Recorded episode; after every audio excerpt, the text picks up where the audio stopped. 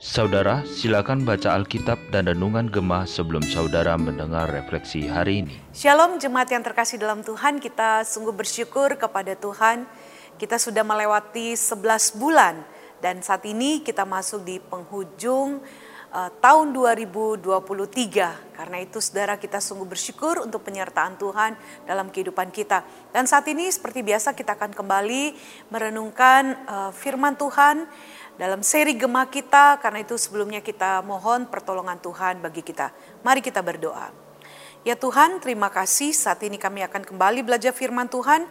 Berikan hikmatmu, pertolonganmu, sehingga kami boleh mengerti kebenaranmu dan kami belajar untuk menaatinya dalam kehidupan kami. Karena itu kami serahkan waktu ini, berkati setiap kami. Dalam nama Tuhan Yesus kami berdoa.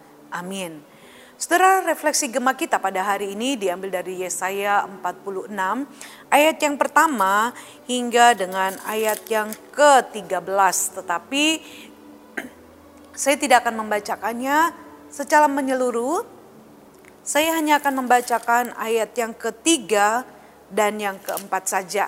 Dan seperti biasa, saya menghimbau untuk saudara membaca secara menyeluruh pasal 46 ini. Demikian firman Tuhan pada hari ini. Dengarkanlah aku, hai kaum keturunan Yakub, hai semua orang yang masih tinggal dari keturunan Israel, hai orang-orang yang kudukung sejak dari kandungan, hai orang-orang yang kujunjung sejak dari rahim. Sampai masa tuamu aku tetap dia, dan sampai masa putih rambutmu aku menggendong kamu. Aku telah melakukannya dan mau menanggung kamu terus Aku mau memikul kamu dan menyelamatkan kamu. Demikian pembacaan firman Tuhan kita hari ini saudara.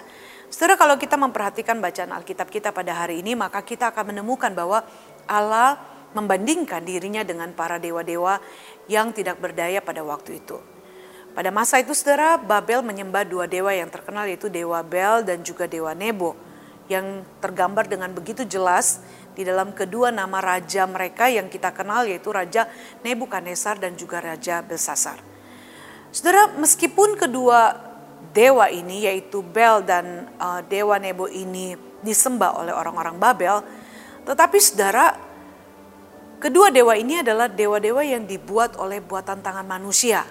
Yang artinya saudara bahwa sebagai buatan tangan manusia, para dewa ini juga tidak bisa melakukan apa-apa. Mereka tidak bisa memberikan pertolongan, mereka tidak bisa memberikan perlindungan, justru saudara malah menambah beban bagi para penyembahnya pada saat itu. Hal ini kita bisa melihat dengan jelas di dalam ayat yang pertama saudara ketika orang-orang Yehuda dibawa ke pembuangan saudara, para patung dewa-dewa itu diangkut untuk dibawa juga saudara. Di sini kita melihat satu kenyataan bahwa manusia yang mengharapkan perlindungan, pertolongan dari para dewa ini, namun justru yang harus mengangkut para dewa itu. Karena dewa-dewa ini tidak bisa berpindah dengan sendirinya, perlu bantuan dan pertolongan manusia. Sehingga di sini kita bisa melihat bahwa patung-patung ini atau dewa-dewa ini justru menambah beban dari para penyembahnya. Hal ini kita bisa lihat pada ayat yang kedua. Oleh sebab itu saudara Allah mengingatkan orang Yehuda bahwa dialah yang selama ini telah memikul, telah menjunjung, telah menggendong dan menanggung mereka sejak dalam kandungan. Hal ini jelas dari ayat 3 sampai 4 yang kita baca tadi saudara. Bahkan saudara Allah mengatakan bahwa ia terus menggendong mereka sampai rambut mereka memutih. Artinya saudara jelas bahwa sejak sebelum lahir Allah sudah menggendong umatnya. Dan sampai tua, sampai mereka meninggal, Allah tetap menggendong mereka. Hal ini sangat kontras sekali dengan dewa-dewa yang merupakan benda mati yang harus diangkut, yang harus dipikul, yang harus digendong oleh manusia sendiri yang menyembahnya. Dan ini menunjukkan betapa bodohnya orang-orang yang mempercayai ilah-ilah, dewa-dewa beserta patung-patung atau berhara-berhara di luar Tuhan. Saudara mereka membuat patung-patung itu dan mengangkutnya.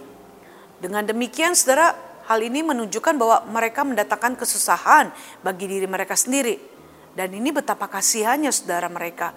Sehingga tidak mengherankan kalau kita mengingat kisah Daniel, saudara, bersama dengan teman-temannya yaitu Sadrak, Mesa, dan Obednego, mereka tidak mau menyembah patung Raja Nebukadnezar, walaupun mereka diancam dengan hukuman mati, karena mereka tahu bahwa itu adalah benda mati yang tidak berdaya, yang merupakan buatan manusia.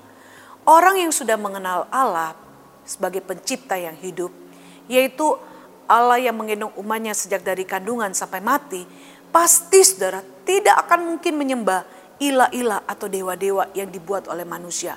Ia akan mempersembahkan seluruh hidupnya kepada Allah yang menciptakannya dan Allah yang menggendongnya. Oleh sebab itu kita pun saudara harus menyadari, kita pun juga harus memiliki sikap yang sama dengan Sadrak, Mesak, dan Abednego. Sebagai orang yang sudah mengenal Allah yang hidup, yaitu pencipta alam semesta ini, kita harus berbelas kasihan kepada orang-orang yang masih hidup dengan penyembahan dewa-dewa atau ilah-ilah yang bukan Allah. Mereka patut untuk kita kasihani saudara, karena mereka menyembah apa yang tidak dapat menyelamatkan diri mereka sendiri. Karena itu saudara, kita perlu untuk memberitakan Injil kepada mereka. Kita perlu untuk membagikan kasih Allah kepada mereka. Kita perlu saudara memberitahukan kepada mereka bahwa ada Allah yang telah mengasihi mereka sebelum mereka ada. Bahkan sampai mereka ada di tengah-tengah dunia. Sampai memutih rambut mereka. Bahkan sampai mati mereka. Allah ada. Allah yang mengasihi mereka. Allah yang akan menggendong mereka. Karena itu saudara mari kita benar-benar menyatakan kasih kita dengan memberitakan tentang Allah yang hidup kepada mereka. Sehingga mereka pun saudara dapat menyembah dapat mengandalkan, dapat percaya hanya kepada Allah yang hidup seperti Allah yang kita percaya selama ini.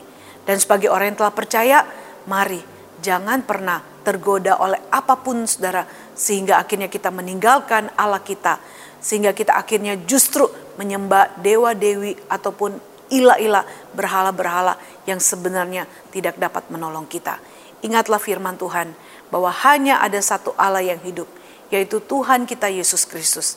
Dialah Allah yang terus menyertai kehidupan kita sampai memutih rambut kita, bahkan sampai akhir hidup kita, sampai selama-lamanya. Ia akan senantiasa selalu beserta dengan kita. Karena itu mari terus percaya dan mengandalkan dia satu-satunya dalam kehidupan kita. Amin. Mari kita berdoa. Tuhan terima kasih untuk firman-Mu yang kembali mengingatkan kami bahwa kami punya Allah yang hebat, Allah yang dahsyat, Allah yang tidak pernah meninggalkan kami. Karena itu biarlah kami terus percaya sungguh hanya kepada Engkau. Dan tolong kami juga untuk menjadi alat kasih-Mu yang dapat memberitakan tentang Allah yang hidup itu kepada saudara kami, kepada orang lain sehingga mereka pun dapat mengenal Allah yang hidup dan percaya dan menyembah hanya kepadamu. Terima kasih Tuhan untuk firman-Mu. Di dalam nama Tuhan Yesus kami berdoa dan mengucap syukur. Amin. Demikian refleksi gema kita pada hari ini. Tuhan Yesus memberkati.